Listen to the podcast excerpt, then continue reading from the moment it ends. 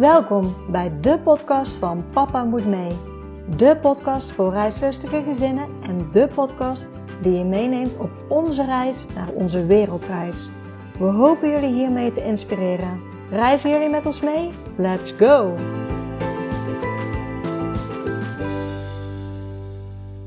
Welkom bij weer een nieuwe aflevering van de podcast van Papa Moet Mee. En deze aflevering heb ik iets leuks. Het is namelijk een aflevering waaraan een winactie gekoppeld is. En deze winactie die kan je terugvinden op ons Instagram-account, Papa Moet Mee. Dus hou deze in de gaten. Hij komt maandag 15 februari online, de winactie. En deze winactie heeft alles te maken met het interview dat ik deze aflevering heb. Ik heb namelijk een interview gehad met Joyce. En Joyce is met haar man Frank en twee kinderen, Julie en Simon, op wereldreis geweest. Op wereldreis voor maar liefst 11 maanden. En in die 11 maanden zijn ze echt letterlijk een rondje om de wereld gegaan. En zij hebben hun reis vastgelegd in een boek. En dat boek, dat beschrijft op de plekken waar ze zijn geweest. Uh, het is een heel reisverslag wat ze bij hebben gehouden. Maar daarnaast biedt het boek ook ontzettend veel praktische informatie. Het begint met hun droom. Hoe is hun droom ontstaan? Het begint met de voorbereidingen. Hoe zijn er met leerplicht omgegaan? En ook aan het einde van het boek staat nog ontzettend veel praktische informatie. Met name over de kosten. Wat heeft het precies gekost? Hoe kun je het beste het budget bijhouden? Hoe kun je een cashflow overzicht bijhouden op reis? Uh, bagagelijsten zitten erbij. Het is ontzettend uitgebreid. Dus met het boek hebben we een hele leuke winactie bedacht. Uh, want we mogen een boek weg gaan geven. Dus voor die winactie hou mijn Instagram pagina in de gaten. Papa moet mee. En mocht je nieuwsgierig zijn geworden, dan wens ik jullie veel luisterplezier met het interview samen met Joyce.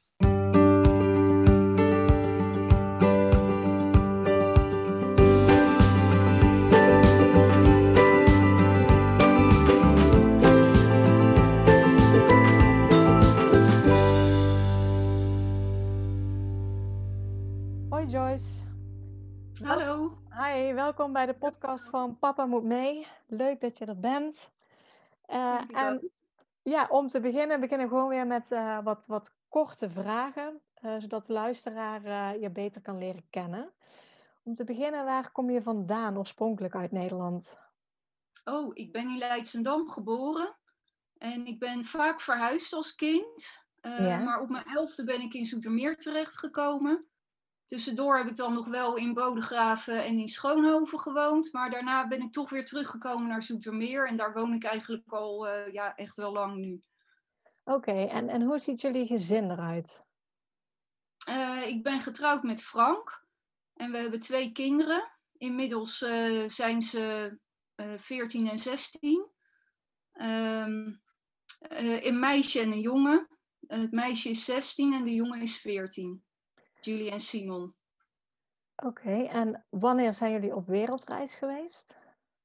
Uh, dat was in 2015, 2016. De kinderen waren uh, 8 en 10 bij vertrek, maar ze werden al snel uh, een jaar ouder dan. Ze waren bijna jarig. Oké. En hoe lang zijn jullie op wereldreis geweest? Elf maanden. En waar zijn jullie allemaal naartoe geweest op wereldreis? We zijn begonnen in Zuid-Afrika. Toen uh, zijn we naar Botswana en Namibië geweest. Vervolgens naar Japan, Vietnam, Bangkok, Australië en Nieuw-Zeeland. En toen nog naar Argentinië, Chili, Bolivia en Brazilië. Ja, echt een echte wereldreis, zeg maar. Echte wereld, ja. wereld rond. Hebben jullie ook al veel gereisd voordat jullie kinderen kregen? Uh, ja, Frank en ik zijn in 2001, 2002 ook een jaar uh, weg geweest met z'n tweeën voordat we kinderen hadden. En toen zijn we een half jaar in Zuid-Amerika geweest. Daar hebben we bijna alle landen aangedaan. Toen hebben we daarna vrienden bezocht in Santa Barbara en San Francisco. Die hadden we onderweg ontmoet in Zuid-Amerika en die hadden ons uitgenodigd. En toen zijn we via Hawaii naar Zuidoost-Azië gegaan. En toen hebben we uiteindelijk in Peking de Trans-Mongolië Express genomen. En zijn met ja, fantastische tussenstops helemaal met de trein teruggekomen naar Zoetermeer-Oost. Gaaf, ja. Ja, was echt geweldig ook. En dat blijft je dan altijd bij. En het blijft ook altijd trekken om het nog een keer te doen eigenlijk. Ja. En toen jullie kinderen kreeg, zijn, hebben jullie toen ook al veel gereisd of verder gereisd met de kinderen voor jullie wereldreis? Nee, met de kinderen zijn we eigenlijk uh, vooral in Europa gebleven. Toen ze heel klein waren, zijn we een paar keer naar Spanje geweest. En verder vaak naar Frankrijk. Ook met vrienden uit de straat, met de kinderen van dezelfde leeftijd. Dat was ook altijd heel erg leuk. Oké. En waar kwam dan die droom van jullie vandaan om met de kinderen op, wereldre op wereldreis te gaan? Ja, die eerste wereldreis die is altijd in ons hoofd en hart blijven zitten. En we dachten van ja, het zou wel echt geweldig zijn als wij ook de kinderen kunnen laten zien hoe mooi de wereld is. Dus ja. Ja, ik vind het wel heel leuk en ook bijzonder om te horen dat uh, je eigenlijk al een wereldreis samen hebt gemaakt.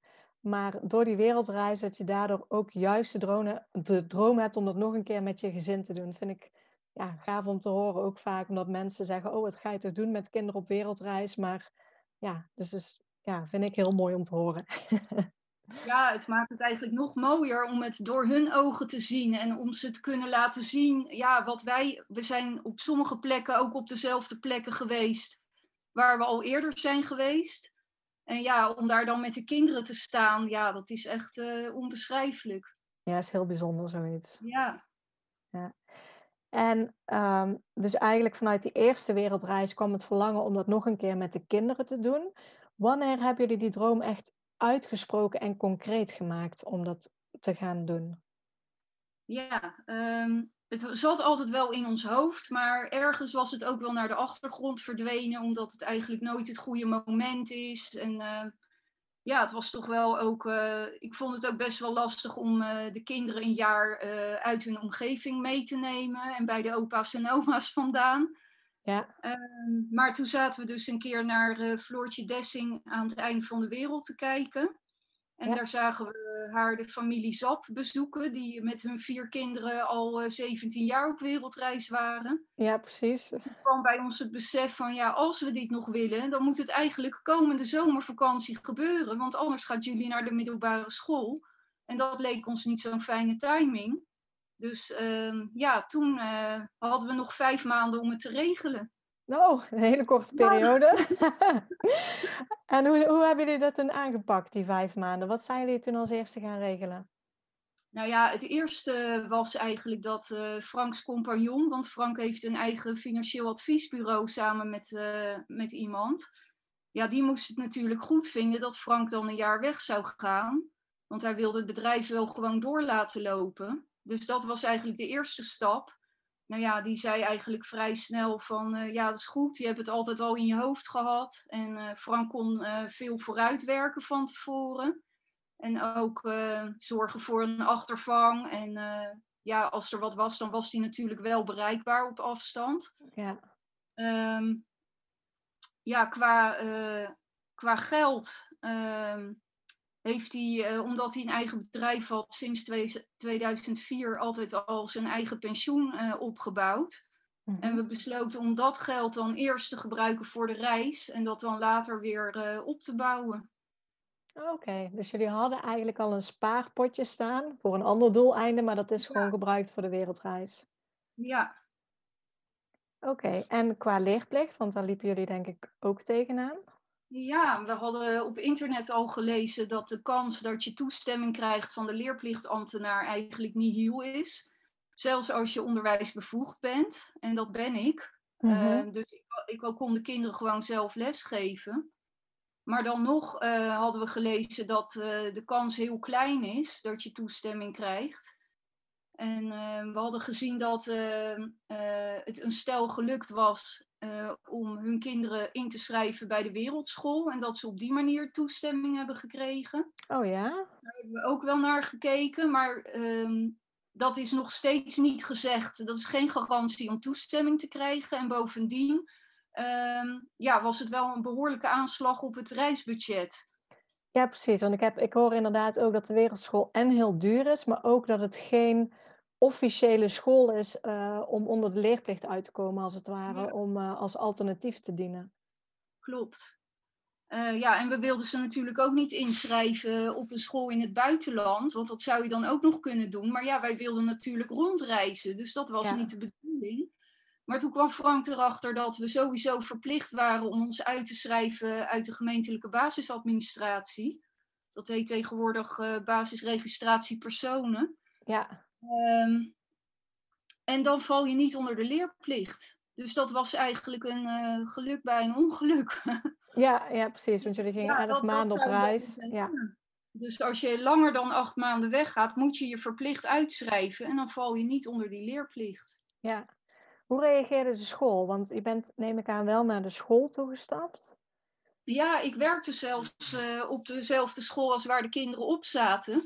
Oké, En ehm, ja, die reageerden eigenlijk eh, wel heel verbaasd, maar ook heel enthousiast. En ze waren eh, volop bereid om mee te werken. Ik mocht gewoon ehm, in het systeem eh, blijven inloggen om bij basisspoor te komen, waar alle methodes op staan. Dus dan hoefde ik niet al die boeken mee te nemen. ja, Jullie ging natuurlijk naar groep 8, dus dat uh, had nog wat meer uh, voeten in aarde. Want dan moet je een onderwijskundig rapport hebben op een gegeven moment om je te kunnen inschrijven op de middelbare school.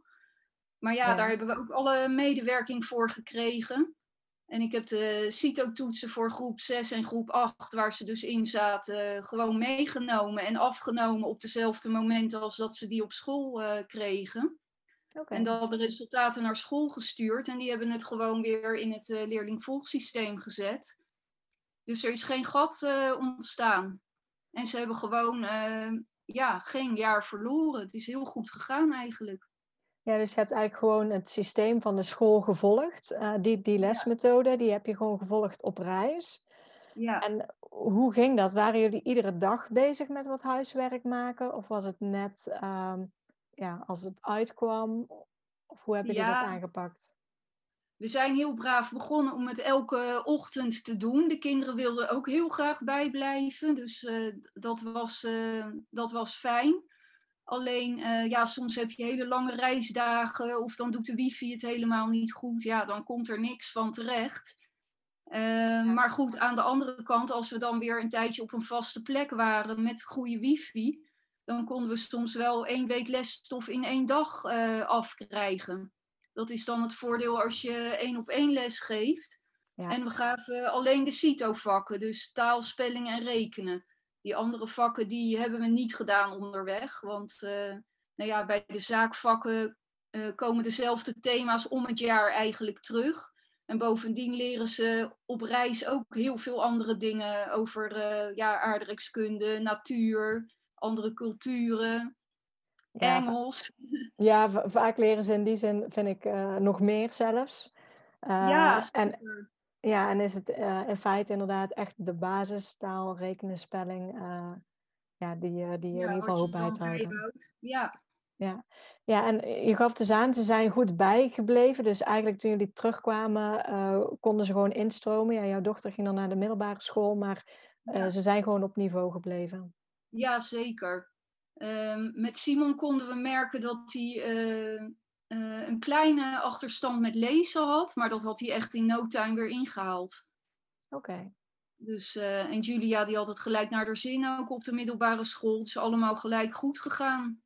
Oh, super. Fijn. Hij had het heel erg naar zijn zin, uh, omdat hij weer zijn vriendjes om zich heen had. En in de tussentijd waren ze natuurlijk allemaal wat ouder en hadden ze wat meer vrijheid om zelfstandig op de fiets overal naartoe te gaan.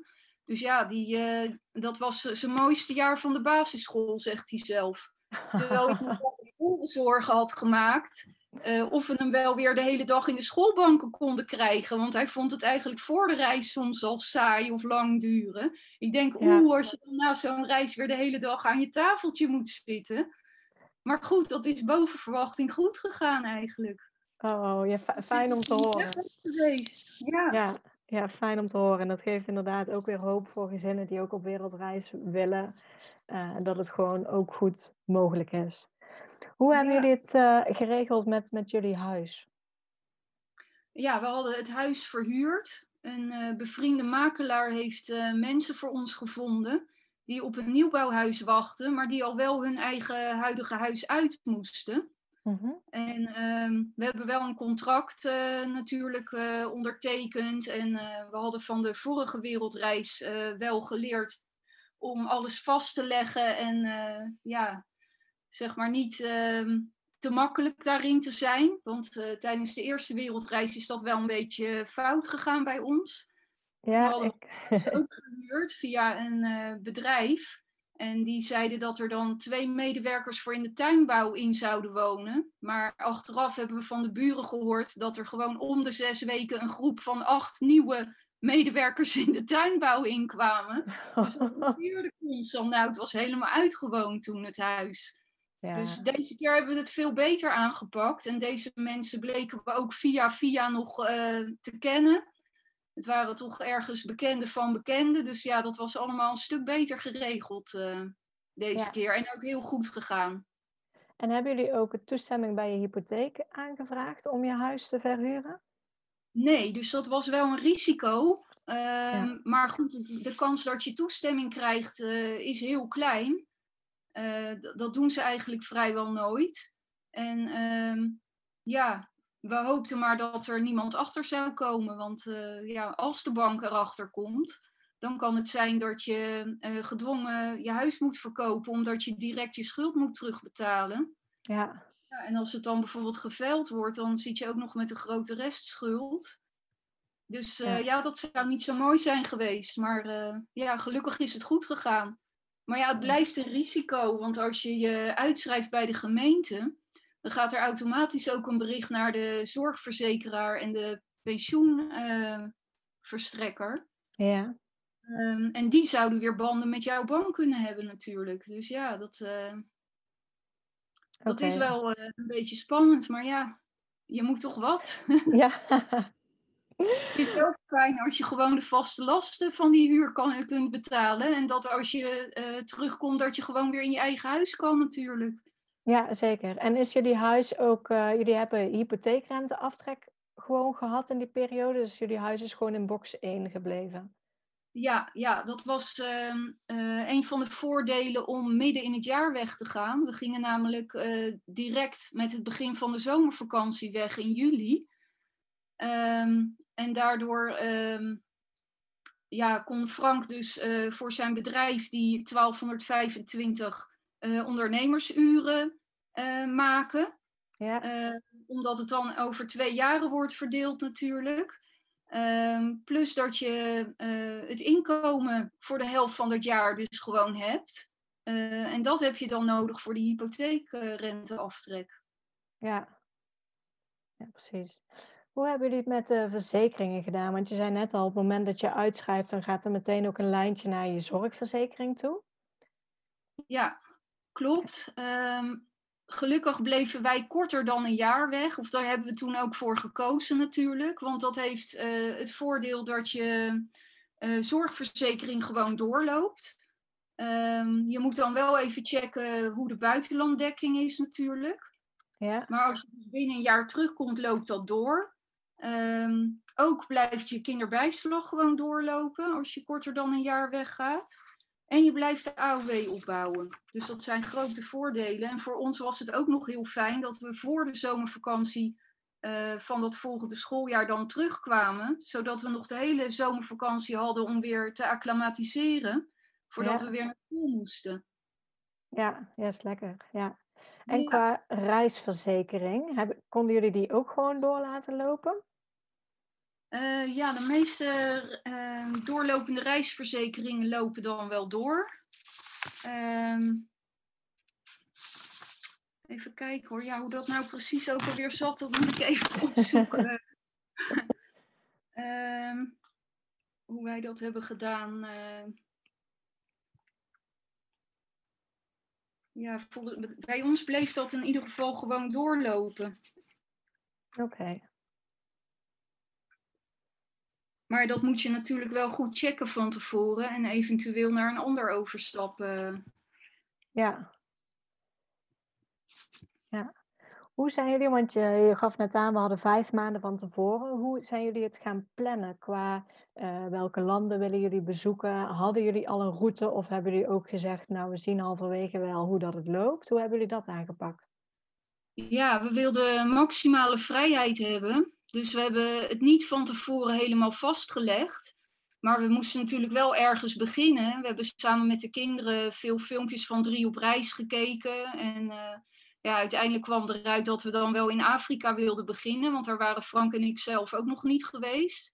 En uh, ja, om de wilde dieren in het echt te kunnen zien op een safari, dat is natuurlijk heel aansprekend ook voor de kinderen. Jazeker. Uh, dus daar zijn we dan begonnen. En uh, ja, dan ben je al in Zuidelijk Afrika, dus dan wil je natuurlijk ook uh, de landen daar in de buurt zien. Uh, Botswana stond altijd uh, nog op mijn lijstje, want daar zou ik ooit voor een reisvakblad naartoe gaan om een stuk over te schrijven. En dat ging toen op het allerlaatste moment niet door. Oh. Dus, ja, dat is uiteindelijk toch gelukt om daar tussen de wilde dieren te kamperen. Ja. Ja, en dat, ja, dat was ook echt geweldig.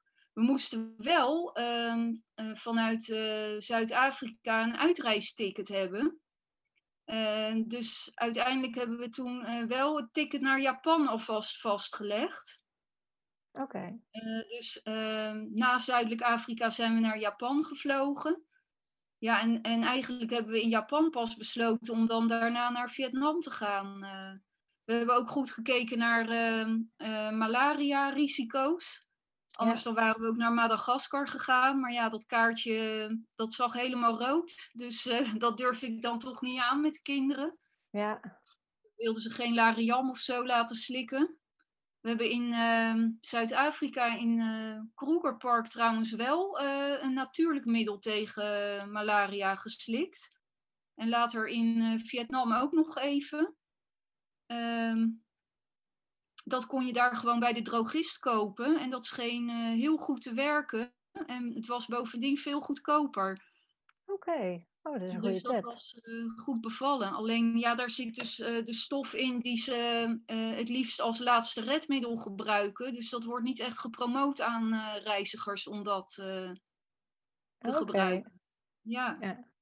Want hoe hebben dit dan? Want voor sommige landen heb je uh, een visum nodig. Uh, sommige landen die vereisen ook uh, vaccinaties. Hoe hebben jullie dat aangepakt? Omdat jullie nog niet precies wisten hoe jullie reisroute eruit zou zien. Ja, nou qua vaccinaties, die hebben we wel voor het grootste gedeelte allemaal gewoon voor de reis in Nederland kunnen regelen. We wisten nog van de eerste reis dat daar soms een paar maanden tussen moet zitten. Dus we, daar waren we ook direct mee begonnen. Ja. Um, en ja, we wisten wel dat we uh, ook naar Zuid-Amerika wilden en natuurlijk die landen in, uh, in Afrika en in Azië. We wisten alleen nog niet precies welke. Maar voor de inentingen maakte dat geen verschil, dus dat konden we wel alvast regelen.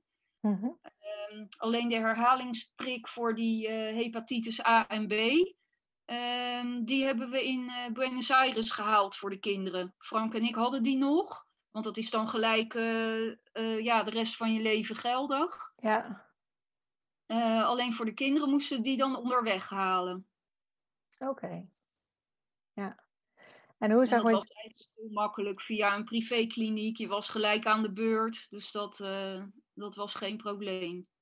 Oké. Okay. want ja, je zei, je zijn in Afrika begonnen. Toen moesten jullie een uitreisticket hebben. heb je alvast geboekt naar Japan. En daar ja. zijn jullie pas echt verder gaan kijken hoe de reis eruit ging zien. Op basis waarvan hebben jullie en de kinderen besloten welke landen jullie toen gingen bezoeken? Um, ja, gewoon eigenlijk, uh, we kijken heel erg naar uh, wat we qua natuur uh, willen zien. Um, ja, en Vietnam met de jungle en ja, die Halong Bay, dat leek ons ook heel erg mooi om te zien. Ja, maar het bleek ook qua cultuur heel interessant te zijn en uh, lekker eten ook. En een hele nieuwe ervaring, omdat we daar niet met eigen vervoer konden reizen, maar met de, de gewone bussen, uh, waar de lokale mensen ook uh, mee reizen. Okay, ja. En die bussen, die, ehm, ja, die hebben allemaal een soort eh, lichtstoeltjes. Ehm, eigenlijk in drie rijen op twee verdiepingen. Uh, en dat is, ja, wij zijn daar allemaal een beetje groot voor. Uh, dus dat is wel grappig. Um, ja, dus we hebben daar, uh, we zijn van, van zuid naar noord met, met bussen gegaan in Vietnam. Dus dat was ook weer een hele nieuwe ervaring. Oké, en, en van, vanuit daar hebben jullie pas ook de keuze gemaakt voor jullie volgende land weer, vanuit Vietnam dan? Of, ja, we wisten wel dat we naar uh, Australië en Nieuw-Zeeland wilden. Daar waren, we, waren Frank en ik ook nog niet geweest. Mhm. En ja, dat ligt dan toch op de route ook. Ja. Uh, dus toen hebben we uh, via een tussenstop in Bangkok, daar zijn we dan vijf dagen geweest. En toen zijn we naar Melbourne gevlogen. Oké. En dan wisten we eigenlijk al dat we dan die oostkust wilden bezoeken. En onderweg uh, kwam het nieuws dat mijn jongste broertje ons dan wel wilde komen opzoeken. Dus oh, die heeft uh, met ons meegereisd van, ehm, van Sydney naar Cairns. Ja. En daarna zijn wij dan weer een stuk ja, naar het zuiden gevlogen. En uiteindelijk weer terug naar Melbourne, omdat we toen besloten hadden om te gaan helpen op een paardenboerderij. Uh, maar goed, dat was allemaal gewoon daar uh, ter plekke geregeld. Uh, daar, dat is niet dat we dat van tevoren van plan waren. Dat is allemaal ja, voortschrijdend inzicht. ja. En wat hebben jullie precies op die paardenboerderij kunnen doen? Ja, in de ochtend gingen we altijd de paarden voeren. Die kregen, er waren negen paarden en die kregen allemaal een eigen emmer met een speciale samenstelling van het voer. Dat maakten we dan uh, s morgens klaar. En dan gingen uh, Frank en de kinderen die paarden voeren. Uh, daarbij reden de kinderen om de beurt op een quad met uh, aanhanger om alles naar de weides te brengen. En dan moesten ze ook de waterbakken verversen of bijvullen. En uh, er was ook nog een alpaca die Julie altijd eten gaf. En een paar ponies waren er nog. En ik maakte altijd het kippenhok schoon en dan was er altijd één ei, want verder waren er alleen maar hanen. Oh. en, uh, ja, verder heb ik ook meegeholpen om uh, gewoon uh, schoon te maken in huis en te koken. En ja, we werden daar helemaal opgenomen in de familie. dus we leefden met z'n allen gewoon ja, als, als één groot gezin in dat huis. En de kinderen konden het heel goed vinden met de kleinkinderen van, uh, van het stel bij wie we woonden. Dus uh, ja, dat, uh, we zijn daar een maand geweest. Het was ook precies de maand waarop Julie haar belangrijkste CITO-toetsen moest maken van groep 8. Dus het was fijn dat we op één plek waren en dat ze daar gewoon een rustig plekje had om, om dat te doen. Ja, meestal ehm, gingen we dus eerst s morgens de dieren verzorgen en dan daarna even koffie drinken. Dan ging ik met de kinderen aan school werken. En Frank die heeft daar ook nog ehm, een hele grote garage helemaal uitgemest en opgeruimd. En uh, ja, er was ook nog wel werk op het land om hekken te repareren of uh, ja, hout weg te halen van uh, omgevallen of afgebroken takken en zo. Dus ja, ja, en, dan kregen jullie dan kosten en inwoning voor, eh, voor in de plaats, voor het werk? Ja, dat is het idee inderdaad, via HelpX. Alleen omdat wij ook nog kinderen bij ons hadden, hebben we de kosten voor het eten gewoon gedeeld. Oké, en uh, hadden jullie van tevoren al bedacht dat jullie mee wilden doen met een project om ergens te helpen? Of is dat idee ook gedurende de reis ontstaan? Ja, dat is gedurende de reis ontstaan, inderdaad van tevoren hadden we het gewoon heel erg druk met de voorbereidingen. en we wisten wel een beetje natuurlijk naar welke landen we wilden, maar we hebben echt uh, ja, geen plan gemaakt van tevoren. Geen gedetailleerd plan van dan willen we dit en dan willen we dat.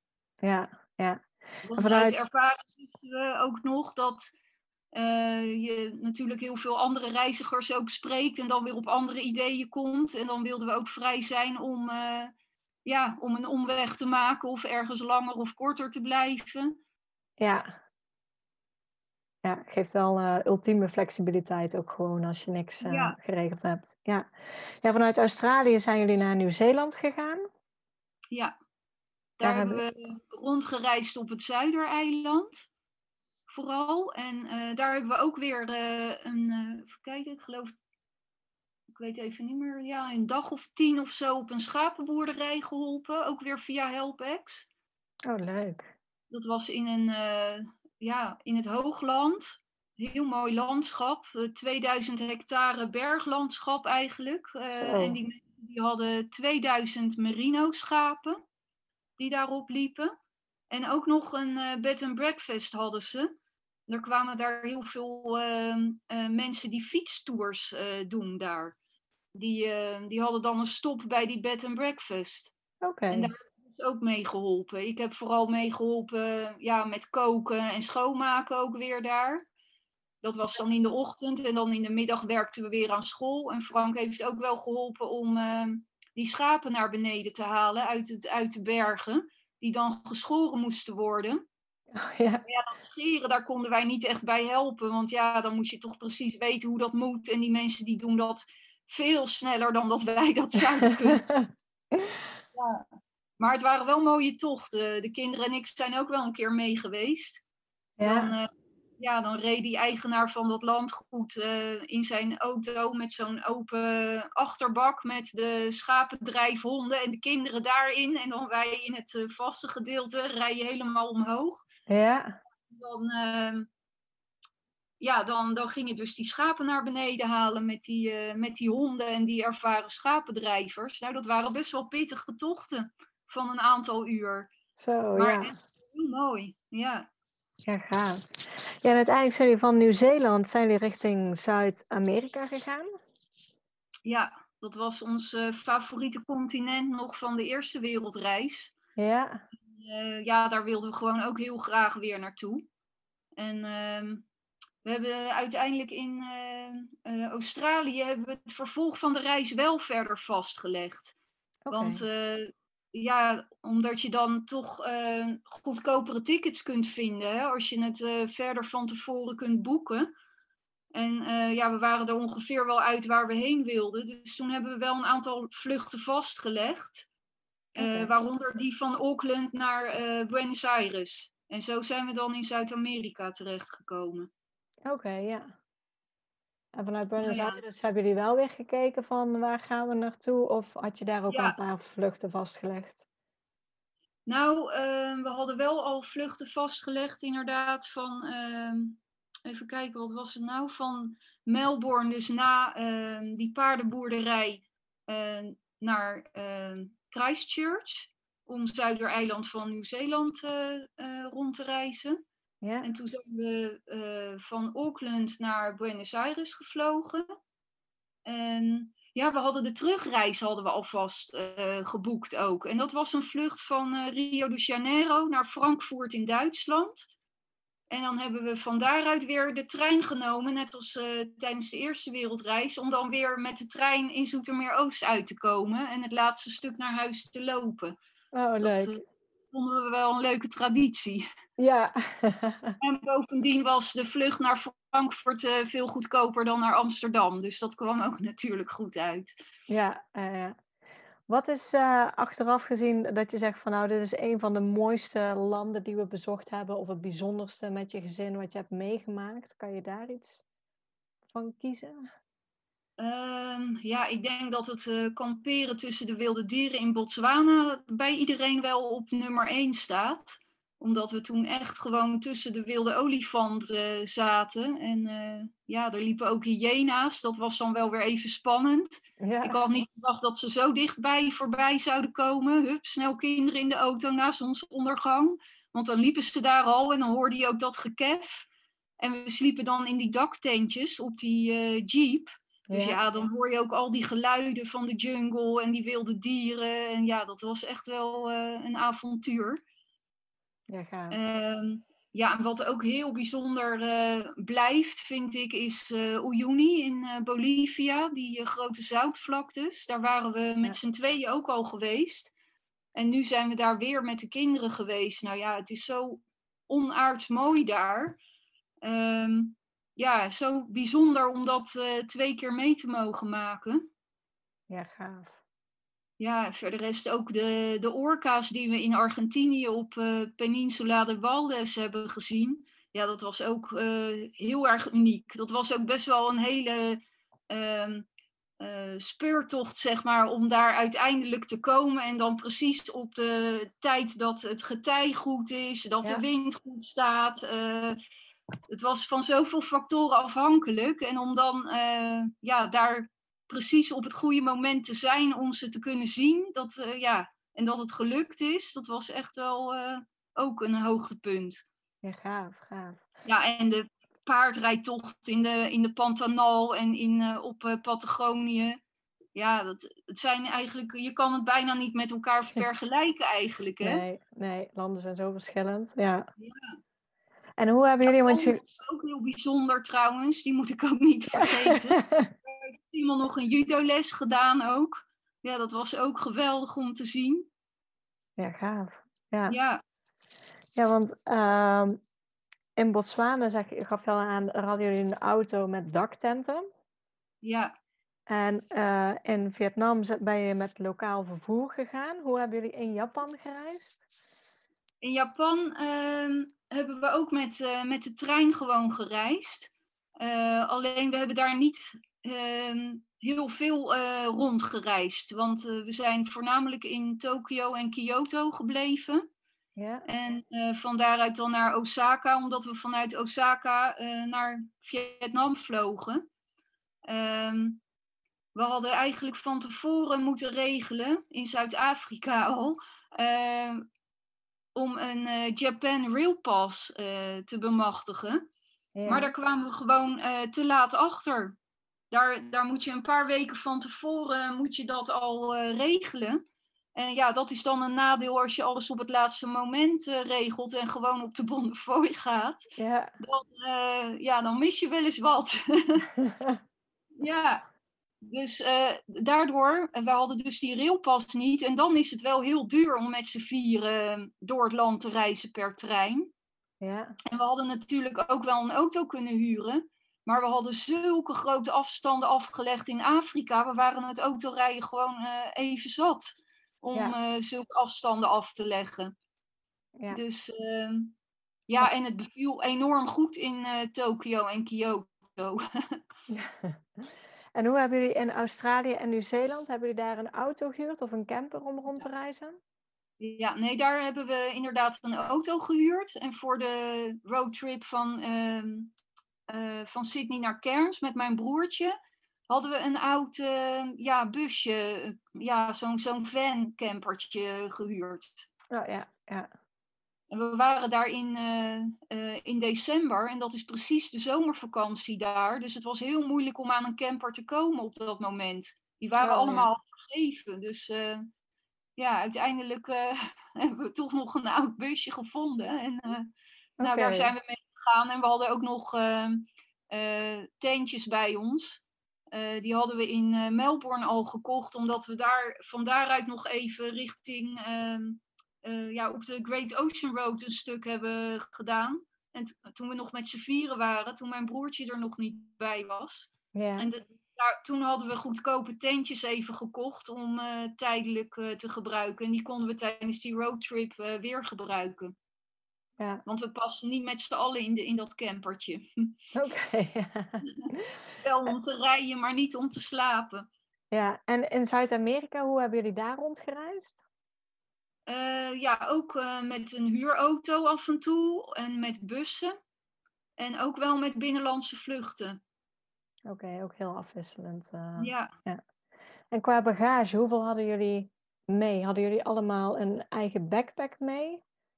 Ja, we hadden allemaal um, een eigen backpack. Dus Frank en ik een grote en de kinderen dan een van, van zes, ja, zes of zeven kilo per ja. kind. En dan hadden we ook nog allemaal een handbagagetas. Voor Frank en ik was, was dat nog best een aardige rugzak. En die was ook best zwaar, want daar zit dan bijvoorbeeld ook de laptop in. Ja, en, uh, alle elektronica. Ja, en fotocamera en dat soort dingen. En de kinderen hadden ook uh, allebei een handbagagetasje met uh, wat tekenspullen en dingen die ze in de auto onderweg nodig hadden of in het vliegtuig en hun knuffels, een spelletje, dat soort dingen. Ja, zijn er echt dingen bij die jullie hadden meegenomen die overbodig bleken? Uh, Nou, het was misschien een beetje overdreven dat we drie fotocameraatjes mee hadden. Eén goede uh, om echt goed mee in te zoomen. Eén uh, Polaroid, omdat we die voor ons uh, 12,5-jarig huwelijk hadden gekregen. En dat, was, dat feest was gelijk het afscheidsfeest ook voor de wereldreis. Um, en ja, dat was wel heel erg leuk natuurlijk, want dan, omdat hij gelijk die fotootjes uitprint, kon je die ook gelijk aan de mensen geven als je een foto samen had gemaakt. Oh ja. Alleen, ja, het is wel weer extra om mee te nemen. En dan had Julie nog een klein fototoestelletje, omdat zij het ook leuk vond natuurlijk om haar eigen foto's te maken. Ja. Uh, maar goed, dat was misschien een beetje veel. En uh, we hadden ook, uh, even kijken, één twee-persoons klamboe. En dan nog uh, twee eenpersoons klamboes bij ons. Omdat we niet wisten in wat voor samenstelling we zouden slapen. En als je die dan nodig hebt, ja, dan moet je toch zorgen dat je allemaal uh, onder een klamboe kan slapen. Maar ja. goed, die hebben we niet echt heel vaak gebruikt, maar toch wel eens een keer. En ja, als het dan nodig is, ben je toch blij dat je het bij je hebt. Ja. En dan hadden we ook nog twee uh, uh, opblaasmatrasjes bij ons voor de kinderen. Ja, die hebben we met het kamperen natuurlijk wel gebruikt. Maar heel vaak als je in Airbnb's of hostels of uh, backpackershuizen slaapt, ja, dan draag je dat allemaal voor niks mee. Ja. Dus ja. Maar goed, ja, we waren toch blij dat we dat soort dingen bij ons hadden. ja.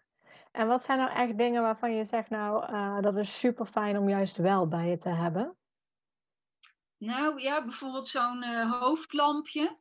Want uh, ja, uh, voorbeeld in Zuid-Afrika, daar wordt de stroom gedeeld uh, met wijken. Dus soms zit je een tijdje zonder stroom.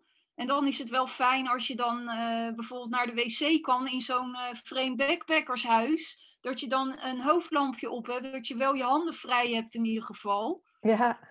Um, en een ander lampje ook was heel handig. Dat was een soort peertje aan een trekkoord. En dat hebben de kinderen heel vaak gebruikt, want dan uh, ja, heb je dat gewoon naast je bed. En als je steeds in een vreemde kamer of in een tentje ligt of zo, is het toch wel fijn om dan zo'n lampje bij de hand te hebben, dat je het licht aan kan doen. Ja.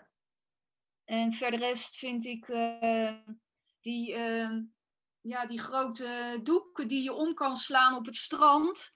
Die ja. vind ik ook heel handig, want die kun je ook als gordijn of als tafellaken of als uh, tas of als jurkje gebruiken. Ja, multifunctioneel. Multifunctionele of als handdoek. Uh, lichtgewicht dingen. Uh, ja, die dus ook wel echt heel handig zijn. Ja, ja goede tips.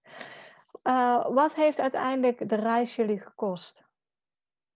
Um, alles bij elkaar met de voorbereidingskosten bijvoorbeeld voor het aanschaffen van materiaal en uh, de inentingen, uh, was het, uh, is het voor ons uitgekomen op 72.000 euro. Ja. En dat was dan 15.000 aan vliegtickets, 10.000 aan overig vervoer, dus auto, huur, bus en trein, 25.000 aan overnachtingen. Dat was vooral in Airbnb's en hostels, maar ook wel eens een hotel een enkele keer op een slaapzaal, zo'n dormitory. Ja. En we hebben natuurlijk ook gekampeerd. Um, 8000 euro aan eten. En ik heb wel zoveel mogelijk waar het kon zelf gekookt. Dus ja, uh -huh. boodschappen, dat, uh, dat blijf je natuurlijk ook uh, hebben. En iets van uh, 11.000 euro aan tours en uitjes. Oké, okay. en was dat dus ook een beetje de twaalf landen bezocht en we hebben veel gevlogen en we hebben veel tours en uitjes gedaan. Dus ja. dat maakt het natuurlijk ook allemaal wel duurder als dat je langer op dezelfde plek blijft en uh, misschien minder tours doet. Of dat je uh, van tevoren alles vastlegt en bijvoorbeeld zo'n round the world ticket koopt. Dat is toch goedkoper dan allemaal losse tickets. Ja, dan zit je wel weer bij één maatschappij, toch? En dan kan je maar één kant op vliegen, dacht ik. Ja, of, uh... klopt. Dat heeft allemaal nadelen voor de flexibiliteit. Ja. Daarom wilden we dat niet. Maar het zou wel de kosten drukken natuurlijk. Ja, want waren de uiteindelijke kosten ook een beetje de inschatting die jullie van tevoren hadden gemaakt? Of zeg je van nou, we zijn toch nog hoger uitgekomen als dat we dachten? Nee, we hadden een bepaald budget en daar zijn we wel binnen gebleven. Eh. Frank eh, heeft het tijdens de reis ook goed in de gaten gehouden en dan kon je bijsturen. Op een Ja, gegeven moment na die roadtrip met mijn broertje, toen dachten we, oeh ja, het is wel erg hard gegaan. Maar toen kregen we dus de tip van dat HelpX, ehm, waarbij je dus eh, voor ongeveer vier uur werken per dag eh, kosten en inwoning krijgt. Nou ja, daar zijn we toen een maand gebleven, dus dat scheelt dan natuurlijk wel. Dus dan eh, ja, konden we op die manier weer een beetje inlopen. ja, Dus eh, ja, we, we, we hielden het onderweg wel goed in de gaten en dan kon je natuurlijk bijsturen. ja, ja. Ja, jullie hebben ook over jullie reis hebben jullie een heel boek geschreven. En in dat boek, ik heb hem eh, zelf ook, daar ja, komen jullie eigenlijk uitgebreid terug op de voorbereidingen. Eh, ook achteraf, zeg maar, ook daar nog heel veel tips over dingen, hoe dat je die kan aanpakken. Er staat een heel groot verslag in van, van jullie reis, van alle landen die jullie hebben bezocht. Eh. Ja, en ik moet zeggen, er- er staat ontzettend veel waarde in het boek, ook over eh, het financiële gedeelte. Eh, over eh, leerplicht, over het verhuren van je woning, over eh, verzekeringen. Ja, on- ontzettend veel. Ja, en ik denk voor jullie, want heb, je dit tijdens de reis al bijgehouden als een soort dagboek van het reis of pas naar de hand geschreven? Nee, we, we hebben tijdens de reis ook een blog bijgehouden. En dat was de basis voor dit boek. Ehm, ja, soms kwam ik er niet aan toe om eh, te schrijven onderweg, maar ik had alles wel heel gedetailleerd bijgehouden, inderdaad. Ehm, en ja, die, die blog die kon ik als basis gebruiken. Eh, later heb ik alles in chronologische volgorde gezet en in dezelfde tijd en alles. En eh, dingen Ja. aangevuld. En eh, natuurlijk de, uit de duizenden foto's een keuze gemaakt welke er in het boek kwamen. Ja, ja, en mijn man is financieel planner, dus die, die heeft het financiële gedeelte geschreven, waar mensen natuurlijk ook altijd erg benieuwd naar zijn. Ja, Er staat eh, bijvoorbeeld ook een voorbeeld in van hoe je dan een grove begroting kunt maken vooraf. En hoe je een cashflow overzicht bijhoudt, zodat je tijdens de reis weet waar je staat. ja, Eh, ja, en verder rest heeft hij alles uitgezocht natuurlijk over hoe dat allemaal zit met sociale zekerheid en ontslag en onbetaald verlof en verhuren van je huis. En ja, dus dat, eh, dat staat er ook allemaal in. Dat heeft hij, eh, dat laatste, dat, die financiële routekaart die heeft hij eh, geschreven. Ja, op basis van onze eigen ervaringen natuurlijk. ja. Ja, er staan zelfs ook eh, inpaklijsten bij, de, de bagagelijst, wat makkelijk is om mee te nemen. Het is eh, een eh, checklist eh, voor je voorbereidingen. Het is ontzettend uitgebreid. Dus eh, ik denk zeker een aanrader voor iedereen eh, die ook de wens heeft om op wereldreis te gaan. Is het eh, ja, echt een heel mooi boek. En om te lezen, maar ook praktisch gezien met eh, ontzettend veel waarde erin. Eh, Dank je. waar zouden de mensen jullie boek kunnen bestellen als ze interesse hebben? Ehm, we hebben een eigen bestelsite en dat heet onefortheroad.nl. En one for, dat is dan 1, 4. En dan in het Engels the road erachter.nl. Ehm Ja, daar kunnen, daar kunnen ze het bestellen. Ja, ja. Het komt ook binnenkort in de boekhandels wel. Dat wil ik ook. eh, eh, maar goed, dat, eh, dat is even uitgesteld, omdat de winkels natuurlijk nog dicht zijn. Oh ja. Dus ja, je neemt dan een abonnement bij het Centraal Boekhuis. Maar om dat abonnement te starten, was het eigenlijk handiger om nog even te wachten tot de winkels open gaan.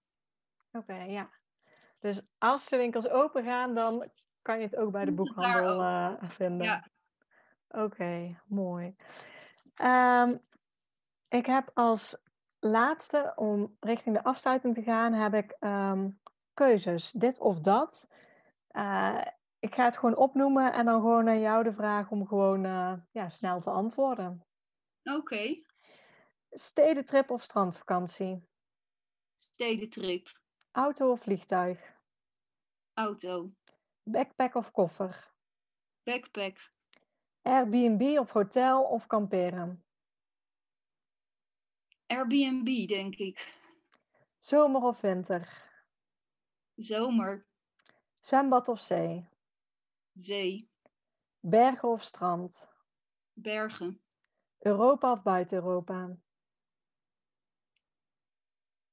Ehm, het was altijd buiten Europa, maar omdat we daar ook al veel hebben gezien en er in Europa nog zoveel voor ons te ontdekken valt, Europa.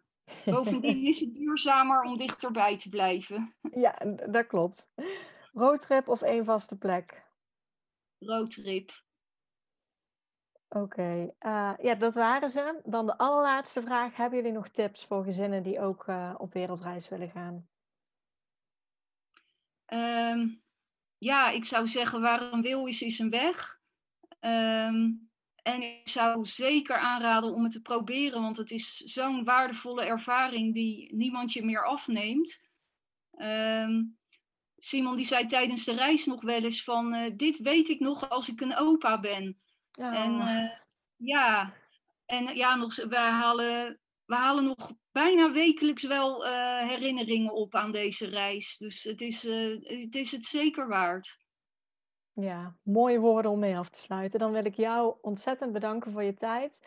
Uh, en heel erg bedanken voor alle informatie die je ook weer hebt gegeven.